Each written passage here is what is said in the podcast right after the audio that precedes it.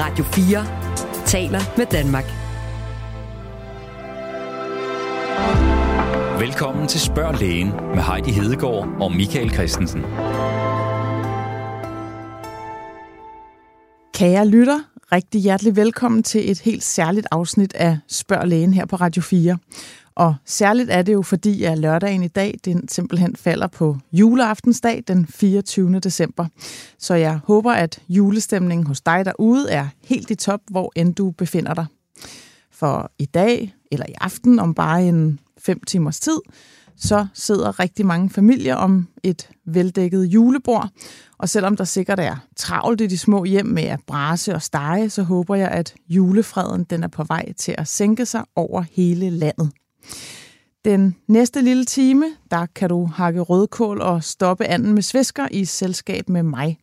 Jeg hedder som altid Heidi Hedegaard, og når jeg ikke lige sidder her og laver radio, så er jeg praktiserende læge i Sydhavnen i København, hvor jeg også bor privat sammen med min mand og vores tre børn. Så jeg er en form for landsbylæge midt i storbyen og bor side om side med mange af mine patienter. I dag er jeg som så mange gange før din vært her på programmet, og jeg har som altid planlagt, at du kan lytte til nogle spændende gæster. I dag der bliver det dog på telefon, for der hersker altså juletravlhed, og ja, jeg kunne simpelthen ikke lokke folk herind i studiet i dag, forståeligt nok.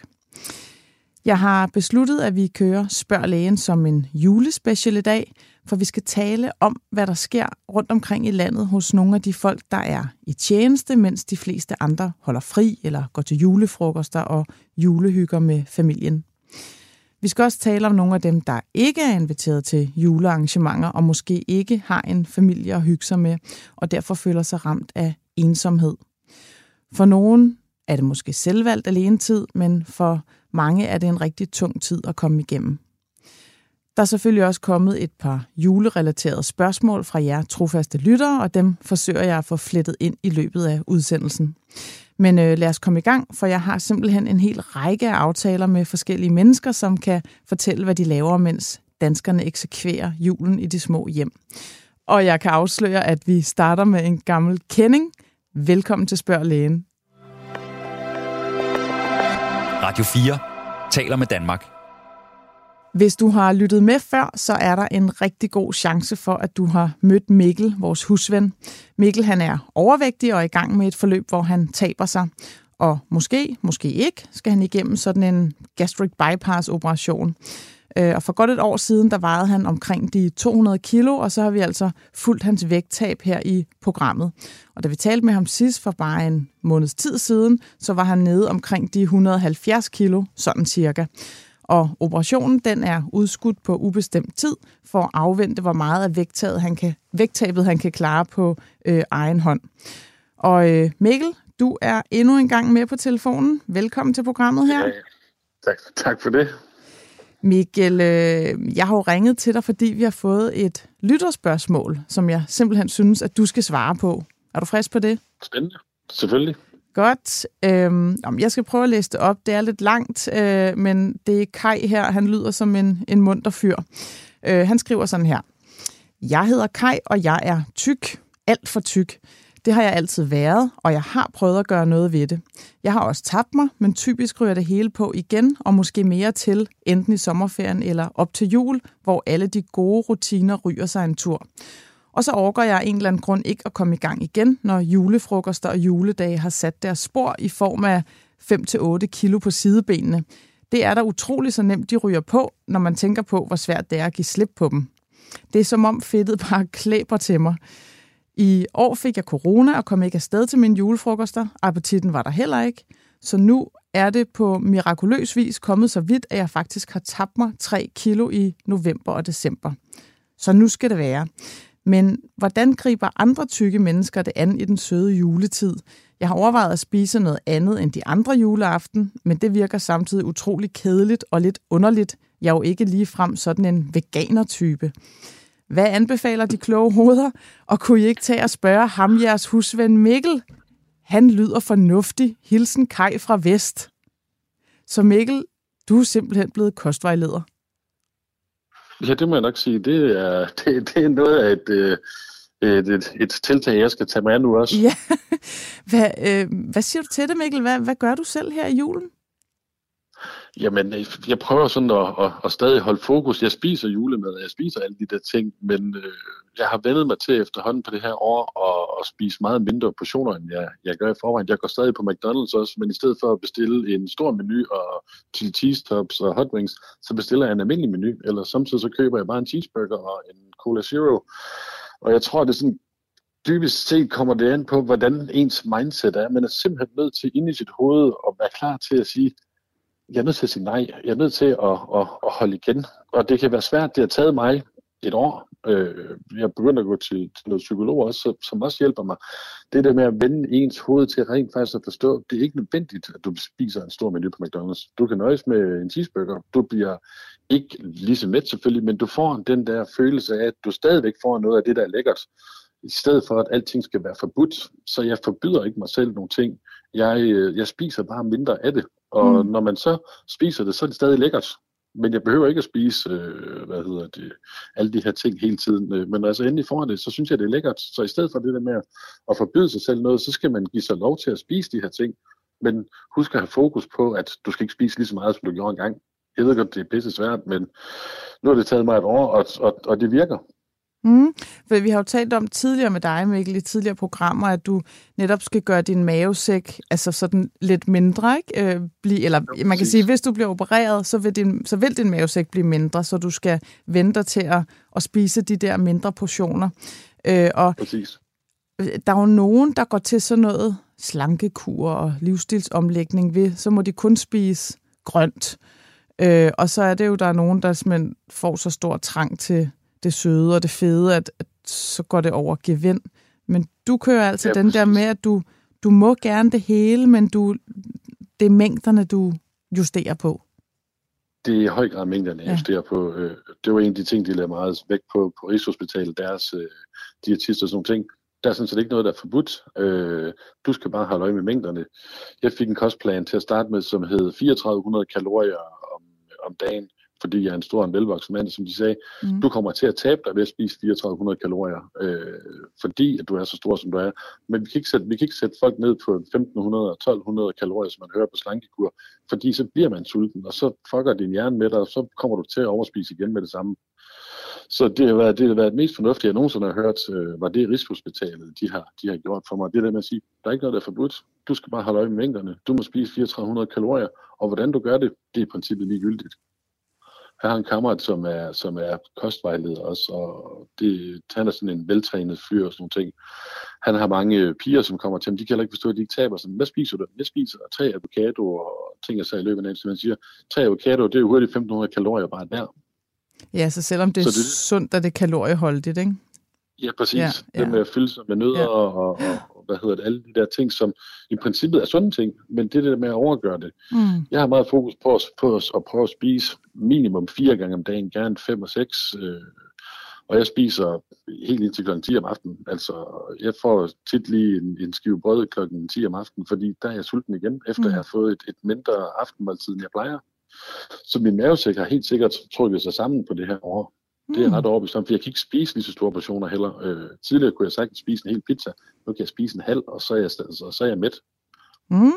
Men altså, øh, din måde at balancere det på, Mikkel, øh, det er hermed givet videre til Kai. Og Mikkel, tak fordi du endnu en gang har stillet op her hos Spørg Lægen, og var det fedt, at du kan dele dine oplevelser med vores lyttere. Det, det kan jeg godt lide.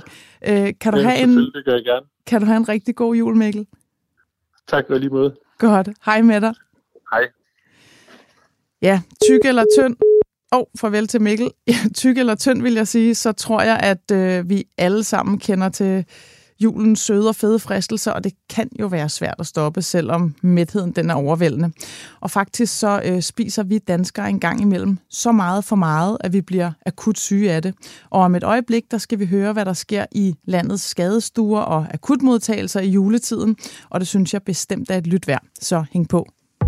Du lytter til Spørg Lægen på Radio 4. Nogle sygdomme og skader på kroppen, de kan være ret årstidsbestemte her i vores lille land.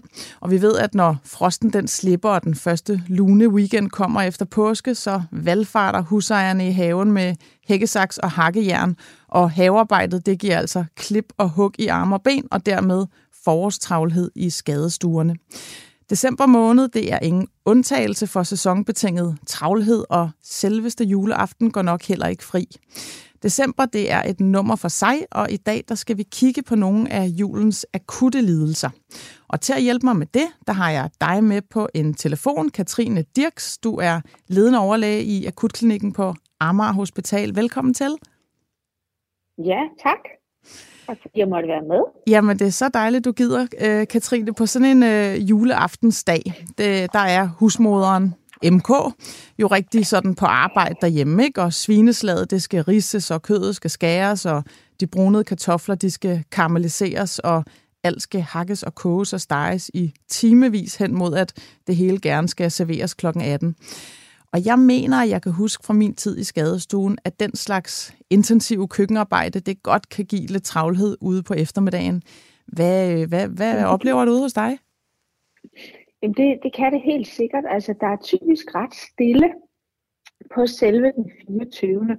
Men om, omkring det er øh, madlavningen, og, og nogle gange øh, lige, lige før øh, at middagen skal serveres, der ser vi nogle af de der øh, snitsår med de store køkkenknive, og også forbrændinger øh, efter karamelliserede kartofler. Og der er nogle gange, altså det, vi har været ude for at sy nogen, der står med forklædet på og siger nej tak til bedøvelsen. Fordi de skal hjem og have maden på bordet. Så, øh, så dem ser vi helt klart. Øhm, og øh, altså i løbet af altså selve brandskaderne, dem ser vi også øh, lidt på den 24. men de starter jo allerede tidligere.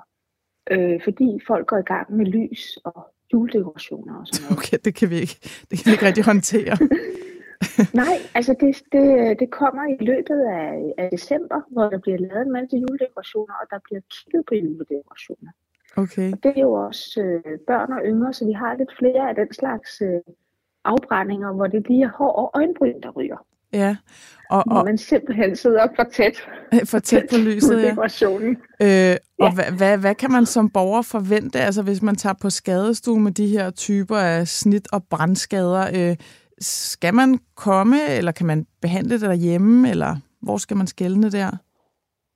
Ja, altså når man skærer sig, så er det jo en god idé i hvert fald at overveje, om man er stivkrampevaccineret. Mm. Øh, hvis det er et mindre sår, som ikke er dybt, så kan man jo sætte et plaster på i første omgang, men øh, det, er en, øh, det er en god idé at komme ind og få, få en stivkrampevaccination, og også få vurderet, om det er noget, der har brug for at blive syet. Øh, hvis såret ligesom er, er mere end 6 timer gammel, så er der en øget infektionsrisiko, og så vil man helst ikke sy det, selvom det egentlig ville have været det bedste. Ja, og derfor skal man rent faktisk komme, når det sker. Man skal ikke vente til, ja, til man næste skal dag. helst ikke vente. Nej. Nej, det skal man ikke. Og, øh, og brænder man sig, jamen, så er det jo, øh, så er det jo øh, køling med vand. Og der skal man huske, at det skal være tempereret vand, og det vil sige, at det skal være behageligt for den, øh, som får vandet på sig. Så øh, der kan være nogle gange nogen, der har skyllet rigtig meget med is. Øh, altså isvand, og også haft, øh, haft det forbrændte nede i is. Og der er altså også risiko for øh, både noget underafkøling, men faktisk også at, at lave skader med kulde. Ja, man får forfrysninger så, i stedet for. Ja, ja, simpelthen. Ja. Så det her med, så, med så lunken øh, ja. vand.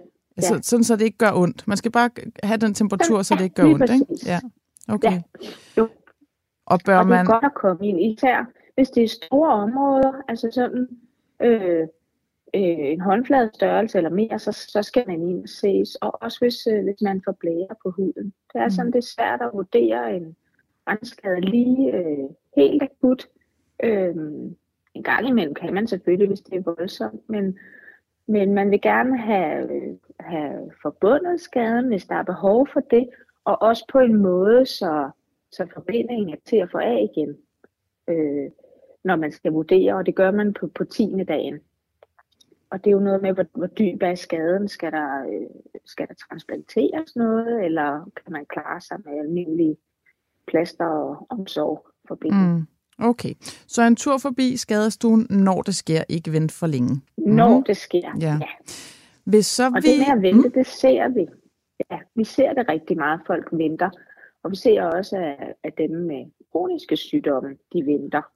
Øh, altså, de, de tager sig enormt meget sammen lige omkring den 24. Og så ser vi typisk, øh, at der kommer flere end vanligt, enten senere på aftenen eller dagen efter. Ja, juledagene, ja.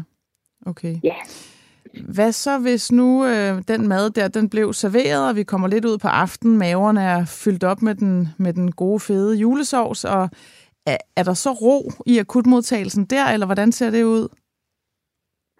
Jamen, det er lidt sjovt, fordi der, der, der starter det faktisk. Og det er jo øhm, sådan, at, øhm, at når man har spist den der julemad med både flæskesteg sovs og risalamang, så er det, øh, det er hård kost for maven. Og øhm, der er både, øh, der er simpelthen eksempler på også, at folk har spist så meget, så de har fået, fået brystsmerter, altså virkelig blevet dårlige. Øhm, og måske også så har indrømmet, at de har spist en halv flæskesteg eller mere. Ja. Men man, men man kan få, få ondt i brystet, også hvis man får lidt mavesyre tilbageløb. Det, det engelske udtryk for det er jo heartburn. Ja. Og det er svært at skelne mellem, er det øh, en, en mavesyre, der løber retur, eller er det faktisk brystsmerter på grund af hjertet eller andre ting. Så ser I Det dem komme ind med altså akut og med Ja. ambulance, fordi man er bange for, at de har fået en blodprop i hjertet? Ja, Ja. det ser vi. Øh, og vi ser så også dem, der får direkte ondt i, i maven. Det kan enten være galleblæren, der beklager sig, at man simpelthen får sådan øh, akut indsættende smerter, som kommer og går, og der sidder en sten i gallevejene. Det, er, øh, det ser vi også meget af. Og det bliver udløst af, af, af mad. fedmen der i maden? Ja, ja. simpelthen. Ja. ja. Og, øh, og det kan altså gøre rigtig ondt. Det kan man blive dårlig af. Øhm, Ja, der kan man godt se nogle stor- smertestillende for. Der kan man Ja. godt se store mænd ligge og hulke lidt Ja, med sådan en galdesten der, ja. Og, og noget smertestillende, hvad, er det noget, man får ind på hospitalet, eller kan man klare det derhjemme? altså det er som regel, hvis man har et galdestensanfald, så har man brug for at få øh, noget lidt stærkere end, end håndkøbsmedicin. Ikke? Mm. Så giver vi en, øh, en øh, hvad hedder det, diklon, eller noget, der er godt til netop de der smerter, hvor der sidder noget fast. Ja, en, en særlig sådan Nyresten en, og galdesten. man får i endetarmen, ikke? Sådan en stikpille tit. Jo, en Ja. stikpille, mm. også fordi man kan have kvalme af selve stenen eller af al julemaden. Så nogle gange er det en fordel at give medicin den anden vej fra i det tilfælde. Og hvad med dem med og det, det her? med. Ja, og, og hvad med dem med det her, hvor man skældner mellem, er det et hjerteanfald, er det et mavesår? Hvad, hvad, hvad gør I, når, når sådan en patient kommer ind for at finde ud af det? Fordi man kan sige, det ene er jo ret farligt, det andet behøver sikkert være det. I taler selvfølgelig med patienten om, jamen, er de kendt med nogle af de sygdomme? Fejler de noget? Hvad får de medicin? Øh, og så tager vi nogle blodprøver, og så tager vi et hjertediagram for os at se, hvordan, hvordan Mm. har hjertet det.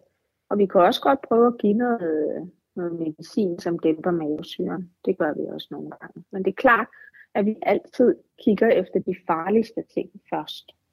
Mm. Og øh, hvad så, hvis nu hjerteanfaldet det bliver afkræftet, og der er noget tilbageløb af mavesyre, det derfor, eller hvis man har gallestenen, bliver man indlagt, eller kan man godt nå hjem og danse som det juletræ? I de fleste tilfælde kan man faktisk godt nå hjem og danse som juletræet. Hvis det bare er tilbageløb af mavesyre, der ikke er noget mavesår, så kan man rimelig nemt klare det med, med noget, øh, noget medicin simpelthen. Og, øh, og gallestenen kan også nogle gange passere. Det er ikke altid, at man skal øh, opereres akut eller noget. Okay, Der er så der, regel god mulighed for at, at komme hjem. der er håb for at gennemføre aftenen. Det er der, og det er altid bedre lige at komme ind og blive tjekket. Ja. Det er så Øhm, ærgerligt, hvis man tænker, jeg holder lige skansen.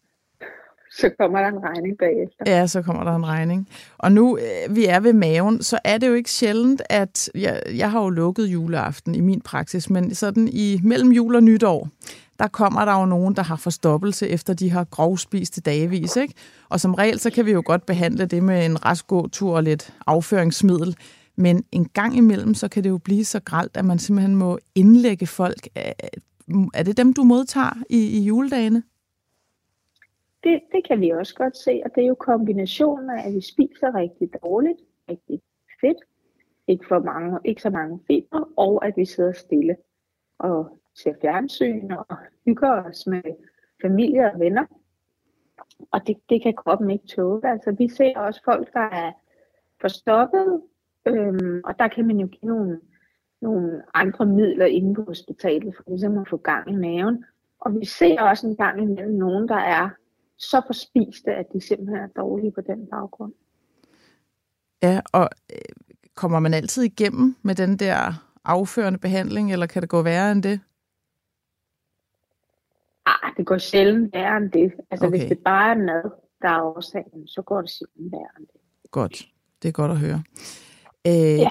Katrine, hvad ser I ellers i løbet af december, som sådan adskiller sig fra resten af året?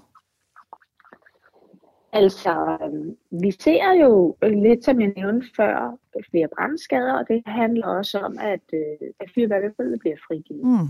Så øh, brandskader af hænder især, og også af ansigt og øjne, ikke? af vildfarne mm. raketter og fyrværkeri, der ikke er håndteret rigtigt, og hjemmelavet fyrværkeri. Så den korte melding om det, det er bare, altså, lad være. Lad være at lave noget selv. Brug briller og håndtere fyrværkeri efter forskrifterne. Ikke? Mm. Øhm, det kender vi alle sammen. Det kender alle børnene. Vi går ikke tilbage til en huser. Ikke desto mindre, så ser vi altid nogen, der har gjort det alligevel. Mm. Øhm, så ser vi øh, altså så ser vi jo øh, lidt flere øh, alkoholrelaterede indlæggelser. Mm. Og øh, som min øh, afdelingssygeplejerske vil sige, juleøl, den er brygget på bokserhandsker og utroskab. Øhm, så det kan både være simpelthen, at folk måske endda kommer op og slås, men at de falder i fuldskab på høje stiletter. Ja, øh, brækker anklerne. Og... Ja, ja, brækker anklerne. Øhm, og, øh, og så at øh, en gang imellem os, der simpelthen nogen, der drukket så meget, at de bliver indlagt. Det ser vi i julemåneden, og, og så når, når vi har studenter. Det er der, der er højdepunkt for det. At, at folk går ind, fordi de har fået for meget at drikke. Ja. Så holder vi øje med dem, og, og, øh, og så sover de dem ud og, og går også til uden at sige farvel det, det, de har ikke lyst til at snakke dagen derpå. Nej, det har, det har ikke behov for at snakke om det. Okay. Øhm, og så, øh, ja, nu ved vi anklerne, så ser vi jo også, når der kommer is og sne, flere der er faldet øh, på gåben og på cykler. Mm. Ser vi rigtig meget af. Så på med cykelhjelmen og, øh, i december? Simpelthen på med cykelhjelmen og lige tænke sig om, hvis der er is over det hele. Mm. Og ellers øh, så ser vi dem, der har holdt skansen derhjemme. Der er jo rigtig mange øh, øh, kronikere, som fejler noget, og her især de lungesyge, øh, patienter med, med kol, øh, det som også nogen kalder rygelunger, mm. og astma. De sidder i julelyset skær og bliver rigtig dårlige, for de kan faktisk ikke særlig godt tåle øh, osen fra strinlys, fra levende lys. Ja, og hvad gør, og, hvad gør det ved dem? det provokerer faktisk deres lungesygdom, så de får sådan en, en akut forbæring. Øh, med, det kan være hoste, åndenød, og, og at de ligesom har mere slim, end de plejer at have. Ja. Øh, og det, det ser vi også en del i december. Så det, det skal man tænke på, hvis man har nogen i familien, der har lungeproblemer, så skal man minimere øh, de levende lys. Ja, skal det ikke være alt for hyggeligt derhjemme? Nej, Ja, det kan jo godt blive hyggeligt, men man kan jo få ret mange flotte, som ikke er levende. ja. Øh, hvad med, altså det hører måske ikke den almindelige akutmodtagelse til, men mere sådan noget psykiatrisk skadestue. Men jeg tænker, der er jo også en del ja, ensomhed og sådan noget i julen. Hvad med sådan noget med forværing i depressioner, eller ligefrem selvmordsforsøg, øget misbrug og sådan noget? Er det noget, I ser i den almindelige akutmodtagelse? Vi ser øh, i takt med julemåneden, at det bliver koldere, og så ser vi de mennesker, der lever på gaden, mm. øh, bliver yderligere belastet ikke? og stresset og har brug for at komme ind lidt oftere og prøve at dulme nerverne øh, med, med, hvad der nu er tilgængeligt. Øh, og det er rigtigt nok, i julen er der øh, jo ekstra meget fokus på relationer, og dermed også på ensomhed. Så vi ser jo også mennesker, der er ensomme og, og har det psykisk dårligt, men vi ser dem faktisk i højere grad efter julen okay, i når januar, de... som jo også er, øh, som jo også er høj, højtid for, for skilsmisser. Ja, øhm, ja. Måske også affødt af eskapader til julefrokosterne, men, men der er mange, har det rigtig svært i, i tiden efter jul. Mm, Så det er faktisk der, vi ser det mest. okay. Øhm, Katrine, jeg skal simpelthen til at slutte af, selvom at det er mega spændende at høre om. Øhm, men tak, fordi du, øh, jeg måtte ringe og forstyrre dig, og du vil være med. Øh, Katrine Ja, Dirks, selvfølgelig. ledende overlæge i akutmodtagelsen.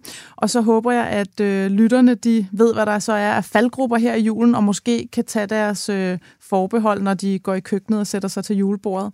Øh, rigtig god jul til dig, Katrine, og generelt til alle, der knokler på landets hospitaler her i julen. Du lytter til Spørg Lægen på Radio 4. Det er øh, næppe kun i landets akutmodtagelser og skadestuer, at der er run på i juletiden.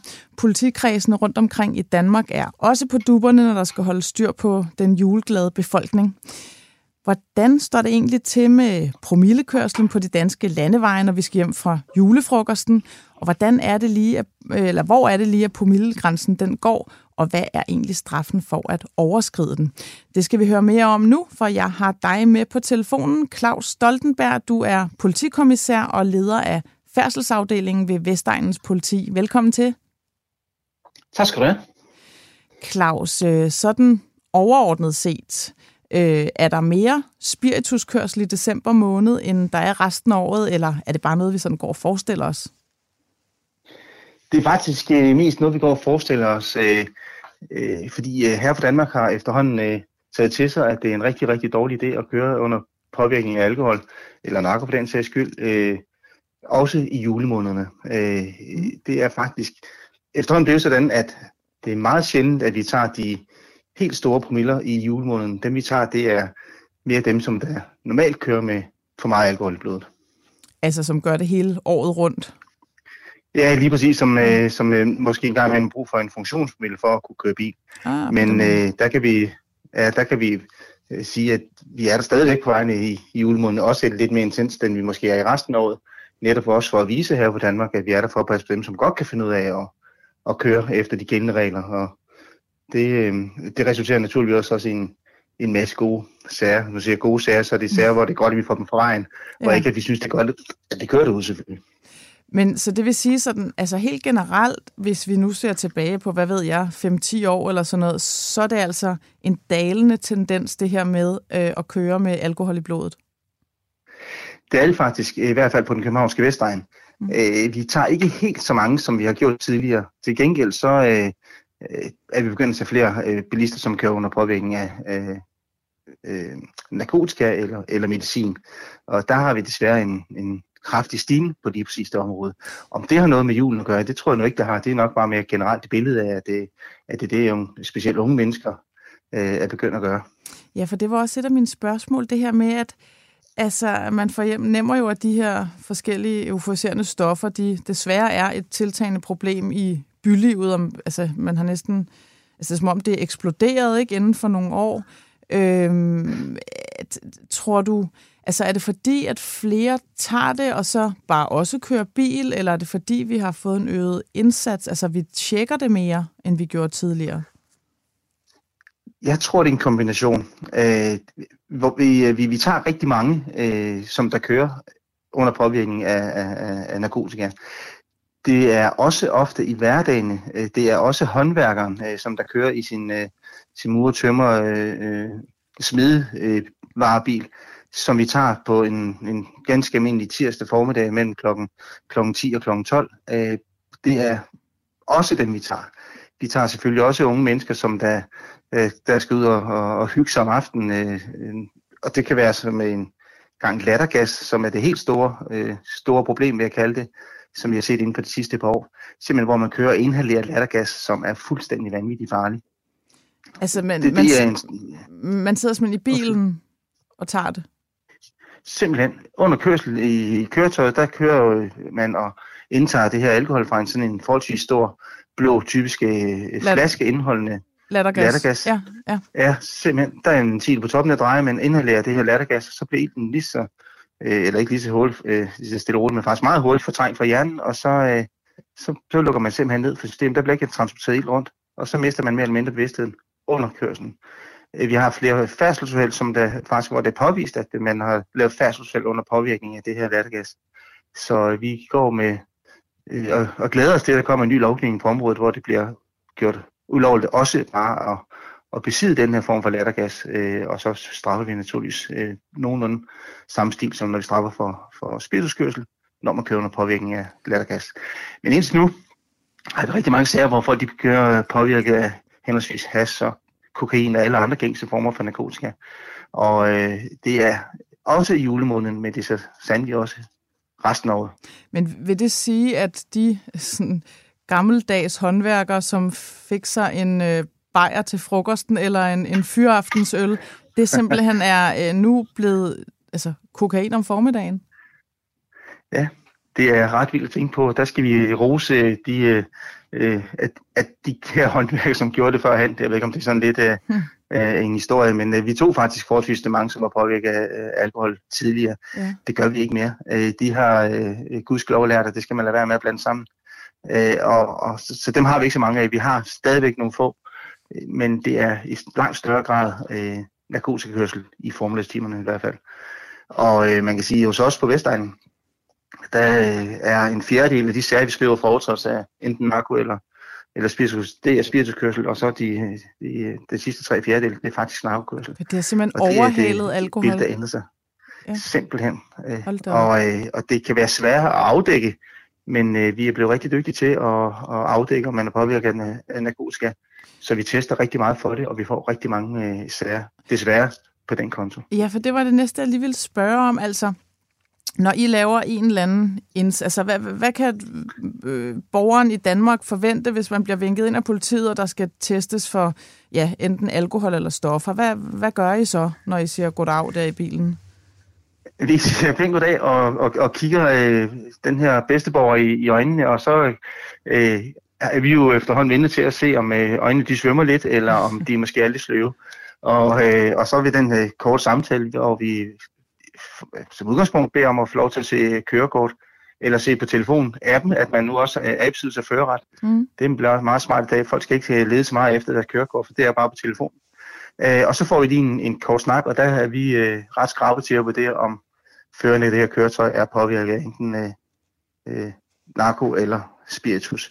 Og øh, typisk øh, vil vi stå med sådan et, øh, et, et narkometer, hvor vi bare lige beder dem en lille udånding, som så viser, om der er alkohol i blodet overhovedet. Den lille screeningsapparat. Øh, det kan vi ikke med narko endnu. Så, så der er det simpelthen, at øh, man får en pind i munden.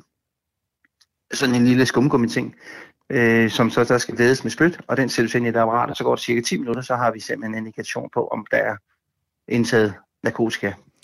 Øh, det er ganske, ganske smart. Det går ikke spore rundt. Øh, det tager lidt, lidt tid, øh, men det er det, man kan forvente. Jeg vil sige sådan, at øh, vi er ret gode til at afdække, om, øh, om der er overhovedet nogen grund til at lave sådan en test, som vi kalder en narkometertest. Øh, det er desværre ikke lige så hurtigt, som, som når vi, vi tager fra, øh, med screenings øh, alkometer. Men øh, ganske effektivt. Mm, Men man bliver vil... altså kun underkastet den form for undersøgelse, hvis vi har en mistanke om ja, det. Så, så det vil sige, hvis, hvis det er alkohol, der er det bare et lille pust, I kan se, om der er noget, og så kan man blæse i den der rigtige en, der kan sige en cirka promille, ikke? Øh, lige præcis. Og, lige præcis. Men, og det går jo lynhurtigt, men hvis I mistænker stoffer, så skal man altså lige øh, bruge 10 minutter på at, at vente Så skal man lige bruge 10 minutter sin dyrbare ja. tid. Ja, lige ja. præcis. Lige ja. præcis. Øh, og, og så ved jeg jo, jeg har jo selv øh, en gang i de unge lægedage været med på sådan nogle spritratcher, som jeg kaldte det, ikke? Øhm, og der ja. tog jeg jo blodprøver, for, fordi at man skal have ja. den præcise promille. Og øh, gør I stadig det? Ja, det gør vi, fordi øh, vores øh, indledende test med henholdsvis øh, alkometer eller narkometer, er jo kun en, en indikation af, om vi skal foretage yderligere, og det er altid blodprøven, som ligger til grund for, ja. for det resultat, der kommer til sidst. Altså, vi kan ikke få nogen dømt for narko- eller spirituskørsel, medmindre at der er udtaget en blodprøve. Mm. Så den følger altså også altid med. Så I ved ud fra det her, den her spyttest på narkometeret, hvilke blodprøve I så skal tage, om det kunne være hash eller kokain eller whatever? Ja, lige præcis, for ja. der er nogle forskellige måder, øh, man, man, man måler de forskellige ting. Ja. Øh, og det, det er vi jo overhovedet ikke endnu. Det foregår jo på et fuldstændig udvildt retsmedicinsk institut, mm. øh, hvor de her prøver de bliver analyseret. Og, og det er det, der ligger til grund for den endelige dom, kan man sige. Ja, okay. Øhm, hvad for en indsats har I i, i din kreds mod spirituskørsel eller med forskellige stoffer? Øh, øh, altså, øh, har I sådan øh, retsjager i, i altså sådan større, øh, altså hvor I tjekker mange bilister ad gangen i juletiden specielt, eller kører I rundt og tager stikprøver, eller hvordan gør I? Jamen, vi gør faktisk begge dele. Øh, nu her i dag kan jeg løfte sløret for, det her det bliver først en senere, så vi kan ikke øh, ødelægge den aktion, vi kører i aften. Men i aften, der stiller vi med, med 12 mand ind i den afdeling, hvor jeg er, og så kører vi simpelthen rundt og stiller os op øh, nogle, nogle steder, hvor vi har normal succes, og øh, så stopper vi alle de bilister, som kommer kørende, og tager en lille snak og siger god jul. Mm. Og samtidig så kører vi også rundt øh, øh, sådan en dag som i dag. Noget af det bliver som sagt øh, en stor aktion, og så bliver det sådan nogle stikprøver, vi kører rundt og tager rundt omkring. Og det gør vi sådan cirka en gang om ugen her i julemåneden. Okay. Øh, af, af flere årsager. Ja, vi vil gerne have fanget dem, som ikke, ikke har forstået budskabet med, at man ikke kører, når man er påvirket af alkohol.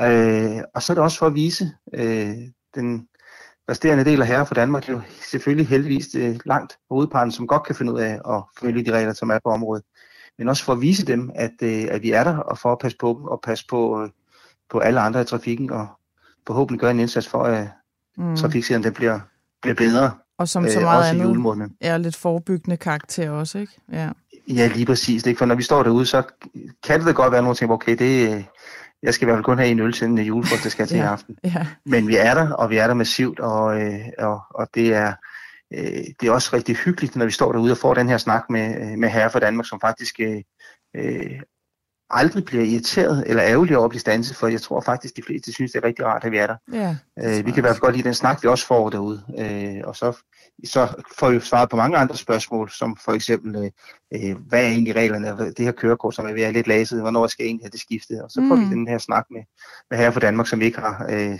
så mange gange. Ja, det lyder godt. Og her til sidst... Mange, mange gange ja, undskyld. Jamen, jeg, jeg vil bare til, vi har ikke så lang tid igen, så, men jeg vil lige have med simpelthen, hvis nu der sidder nogen ja. derude, og er det mindste i tvivl, kan du så ikke lige repetere, hvad promillegrænsen den er her i Danmark? Det kan du tro. Øh, det, det er faktisk øh, det er meget simpelt, det er som det altid har været. Øh, man øh, må ikke køre bil, hvis man har en promille på over 0,5.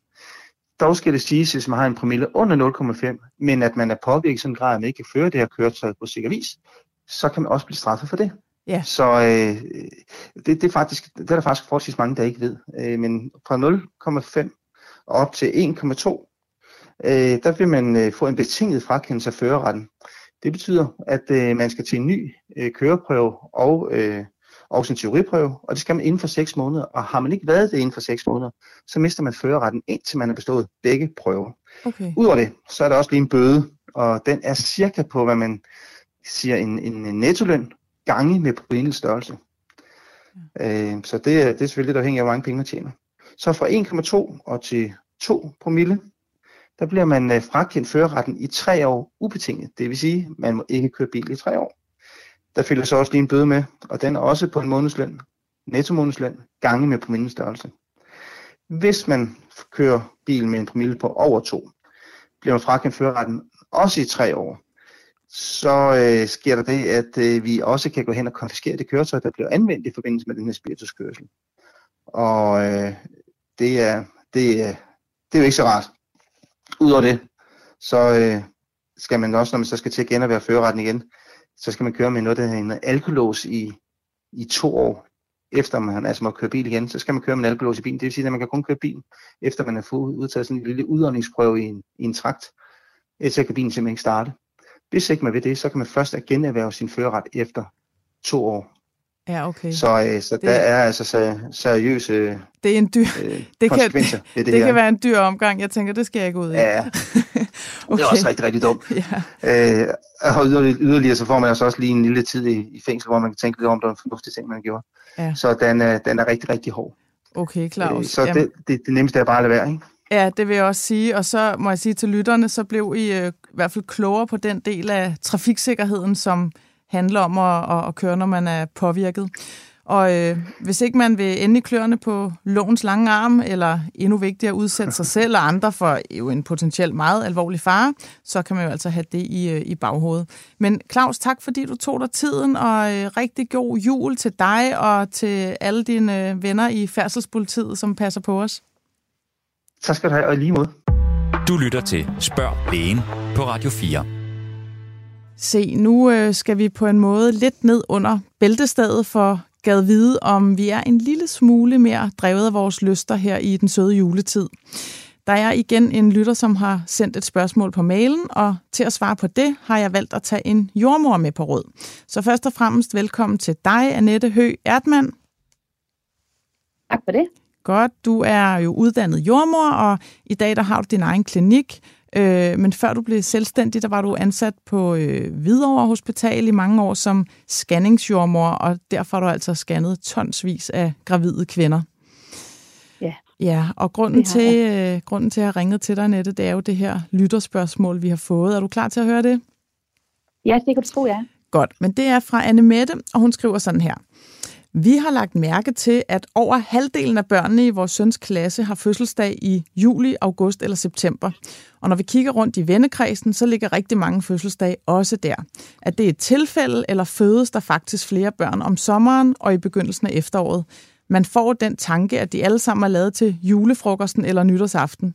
Vores egen bliver der i hvert fald undfanget, undfanget julenat. Hilsen Anne Mette og mand.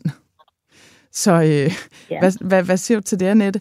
Bliver der faktisk født flere børn der i sommer- og sensommermånederne, eller er det bare øh, en særlig tendens i, i Anne Mettes søns klasse? Øhm, nej, det er det faktisk ikke. Det er, det er helt rigtigt spottet af Anne Mette. Altså juli og øh, august måned er, er de to måneder, der topper med, med absolut øh, flest øh, fødsler af, af børn. Og øh, jamen, jeg tænker da, at der er der en vis del af, af planlægning i det. Øhm, de børn, de er måske ikke helt, de er nok undfanget lidt mere hen i kring øh, oktober måned, øh, for at have, have fødselsdag enten i juli og august. Så, så jeg tænker mere, at det er, det er planlægning, det går på, når det er. At, altså, altså man gerne vil have et sommerbarn, der. eller hvad? Ja, ja, ja, præcis. Altså, at det er, det er rart måske for børne, kommende børnefødselsdage og, og barslen og så videre, ikke? At, øh, at det er der. Og øh, jeg ved i hvert fald, at øh, når man scanner, så har man jo den første, første trimester scanning, eller nakkefoldscanning, som den også bliver kaldt. Og øh, der er virkelig øh, travlt i, øh, i januar og februar måned på øh, ultralydsklinikkerne rundt omkring.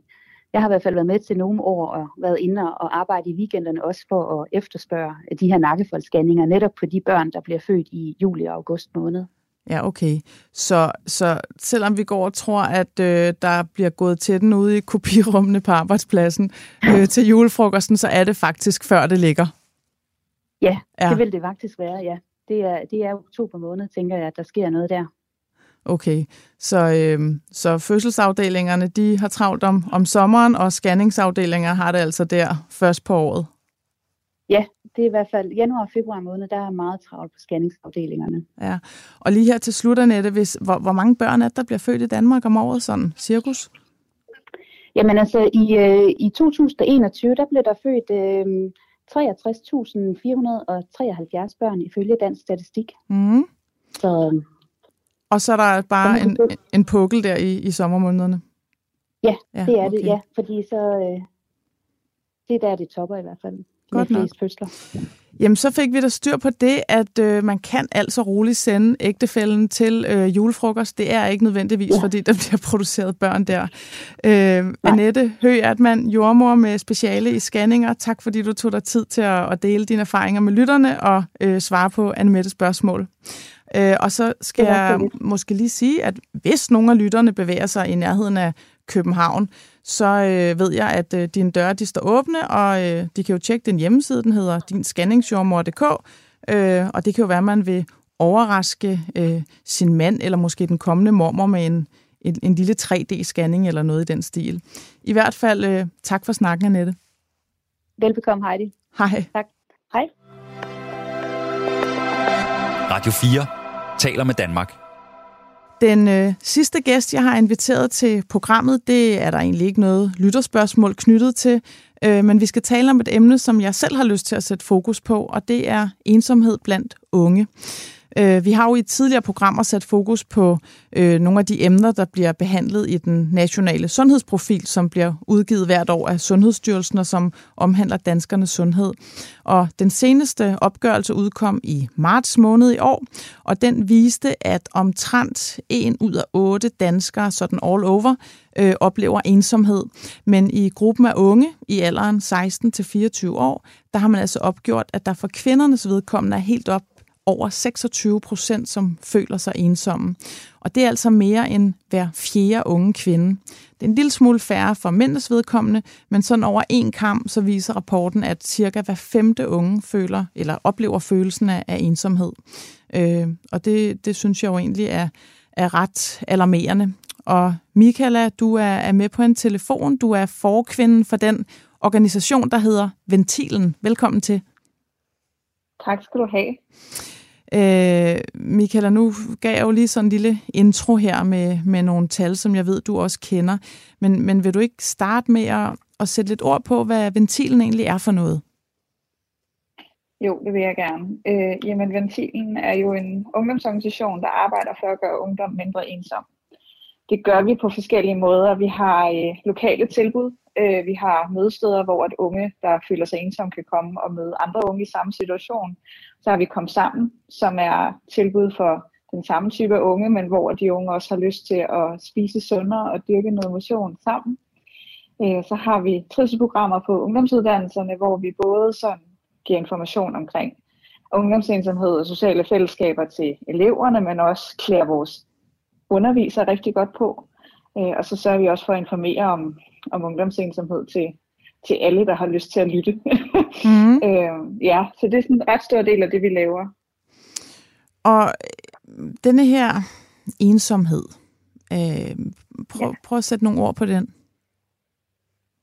Jamen, ensomhed er jo ifølge vores definition, når vi definerer ensomhed, så siger vi jo, at øh, jamen, det er en følelse, der som udgangspunkt er negativ.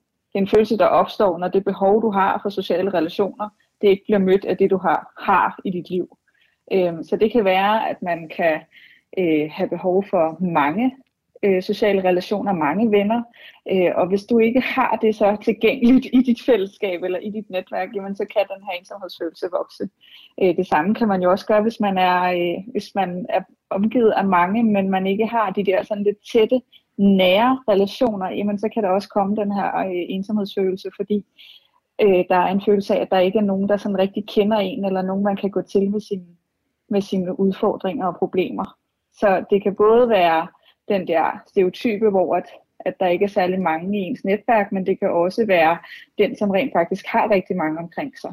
Mm. Øhm, men vi definerer ikke som sådan, det er jo en, en følelse, og den er som udgangspunkt negativ. Øhm. Ja, og altså, så det, man kan jo sagtens være selvvalgt alene og have det fantastisk.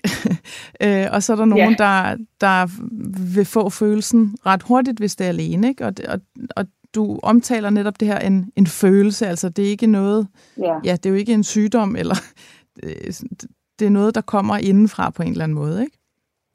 Ja, det er jo et advarselssignal fra, mm. fra kroppen og hjernen, ligesom øh, sult og tørst, eller du lægger en hånd på en kogeplade, så begynder den ligesom at blive varm, og det gør ondt, og så fjerner du hånden. Så den kortvarige ensomhedsfølelse er jo den, der sådan fortæller dig, oh, der er et eller andet galt her, du skal gøre noget. Yeah. øh, det er ikke altid nemt, men det er først, når det sådan går over og bliver den langvarige ensomhed, at, at det begynder sådan at blive skadeligt. Øh, men den kortvarige ensomhedsfølelse er den der, der sådan lige gør os opmærksom på, uh, der er altså et eller andet her, du skal reagere på. Mm. Øh, men, ligesom sult og tørst. Men, men hvad hvis den går over og bliver sådan længere varende? Altså, hvad, hvad gør den her ensomhed ved et ungt menneske i, i dagens Danmark? Jamen, den gør jo for det første, at, at der sker de her kemiske forandringer i hjernen, hvor at du, man kommer til at møde andre mennesker mere skeptisk. Mit bedste eksempel er, hvis man går ind i et rum, og folk, øh, eller man kommer ind i en ny klasse, og der sidder nogen og griner, jamen så forventer man, at de griner af en. Øh, og jo, jo mere man møder andre mennesker mere skeptisk, jo mere man har en følelse af, at man ikke er venner værd, øh, eller værd at lære at kende, jo sværere bliver det jo også at skabe de her sociale relationer, som man jo også har behov for. Øh, så, så det er den der langvarige effekt, der kommer af det, når det er, at den først sådan, altså ensomhedsfølelsen har bidt sig fast. Øh, og det gør det jo endnu sværere at komme ud af, men, men dermed ikke overhovedet mindre vigtigt. Øh, fordi det er jo sindssygt vigtigt, at man så netop kommer ud og får de sociale relationer, og du skaber de positive erfaringer med at være øh, sammen med andre, øh, og lære nogen at kende, og ja, få mm. nogle rigtig gode erfaringer med det. Ja, så for mange negative oplevelser gør altså også, at man bliver på en eller anden måde negativt forvent øh, i mødet yeah. med andre. Ikke? Ja. Hvor, hvorfor tror du, at der er så mange unge, der føler sig ensomme i Danmark? Altså, hver femte, det er jo sindssygt mange. Det er rigtig mange, det er også rigtig skræmmende tal, øh, som jeg også håber, der er rigtig mange, der sådan, øh, tager rigtig alvorligt, øh, fordi det er, øh, for det første som ung, er det jo sindssygt vigtigt at være social. Du laver rigtig meget med andre, øh, og det er sjældent, man går i biografen eller tager til gymnasiefesten alene. Øh, men noget, nogle af de ting, vi peger på, som er grundene, det er jo, at vi har jo sindssygt mange skift i ungdomslivet. Øh, det er både, når du stopper på, altså vi har jo de ældre unge, kan man sige, fra, for 15 år. Men når du først kommer på en ungdomsuddannelse, så kan der være nogle skift der. Øh, det kan både være i for, mellem forskellige klasser, kommer videre til en videregående uddannelse måske, der er der også endnu flere skift. Øh, og alle de her skift er der en chance for, at man bliver tabt. Øh, det kan også være, at man stopper øh, på en ungdomsuddannelse eller på en erhvervsuddannelse, og simpelthen kommer ud på arbejdsmarkedet. Det er igen et skift, hvor der skal stå nogen og hjælpe en ind, øh, hjælpe en godt på vej og sørge for at gribe. Øh, og det er ikke altid, at, at, øh, at vi er så gode til det, fordi der også er en hel masse andre ting, der sker. Mm, så man skal være enormt, altså faktisk enormt dygtig, sådan kan man sige, socialt, altså for at kunne begå sig i det her meget, meget omskiftelige, hurtige samfund, vi lever i? Ja, det, det, det, det vil jeg absolut mene, man skal kunne. Øh, ja. Jeg tror jo også på, at vi har rigtig mange gode voksne omkring vores unge, som, som jo også kan gøre en forskel. Øh, og sørge for at gribe ind og spotte det, når først det begynder sådan at, at gå galt, eller øh, følelsen begynder at bide sig fast. Jeg tænker jo også, at det handler om, at der skal være nogle voksne, der ved, hvad skal man gøre. Mm. Øhm, og også måske nogle klassekammerater øh, på gymnasiet, eller erhvervsuddannelsen, eller andre steder, eller på arbejdsmarkedet, når man starter et nyt sted i sit første arbejde, jamen, som ved, uh, vi skal lige sørge for at have alle med. Jeg er opmærksom på, hvor vigtigt det er. Ja, og er det, er det noget, vi... Altså, hvad, hvad kan vi gøre som enkeltindivider for at, at modvirke denne her ensomhed? det er jo for det første, altså det er jo så små ting som at anerkende, at man ved, at folk er der. Øh, så er altså som i at sige godmorgen og hej, når man mm. hilser i stedet for at ignorere øh, hinanden. Det er også at sørge for at huske, at alle kommer med, når man inviterer, sådan så at der ikke er en, der kommer til at sidde og alene. Det der også engang man sker, det er jo, at, at man kan jo godt risikere, at man, sådan, at man bliver inviteret, men når man så siger nej, fordi man ikke rigtig tror på, at de faktisk har lyst til at have en med. så det er jo også det der med at blive ved med at huske, okay, men det er godt, at de har sagt nej før, men hvis vi skal have alle med, så skal vi faktisk også sørge for at invitere dem. Øh, og så kan det jo være, at de på et tidspunkt siger ja, fordi de øh, begynder at tro på, at de er de mennesker værd, som også mm. inviterer. Så altså, øh. alle derude, hold øje med hinanden, og øh, ja, anerkende, at de andre findes, øh, sige, sige hej til hinanden og så nogle enkelte ting. Øh, og ja, Michael, tiden løber jo, men jeg vil, jeg vil lige øh, slutte af med at sige, at på ventilen.dk, der kan man finde både gode råd øh, og det nærmeste mødested, hvis man føler sig ensom, og hvis man altså er en ung mellem er det 15 og 30 år. Ikke? Øhm, og, og hvis man har tid øh, og overskud og lyst til at være frivillig, så kan man også finde oplysninger om, hvordan man kan søge et frivilligt job hos Ventilen inde på, på jeres hjemmeside.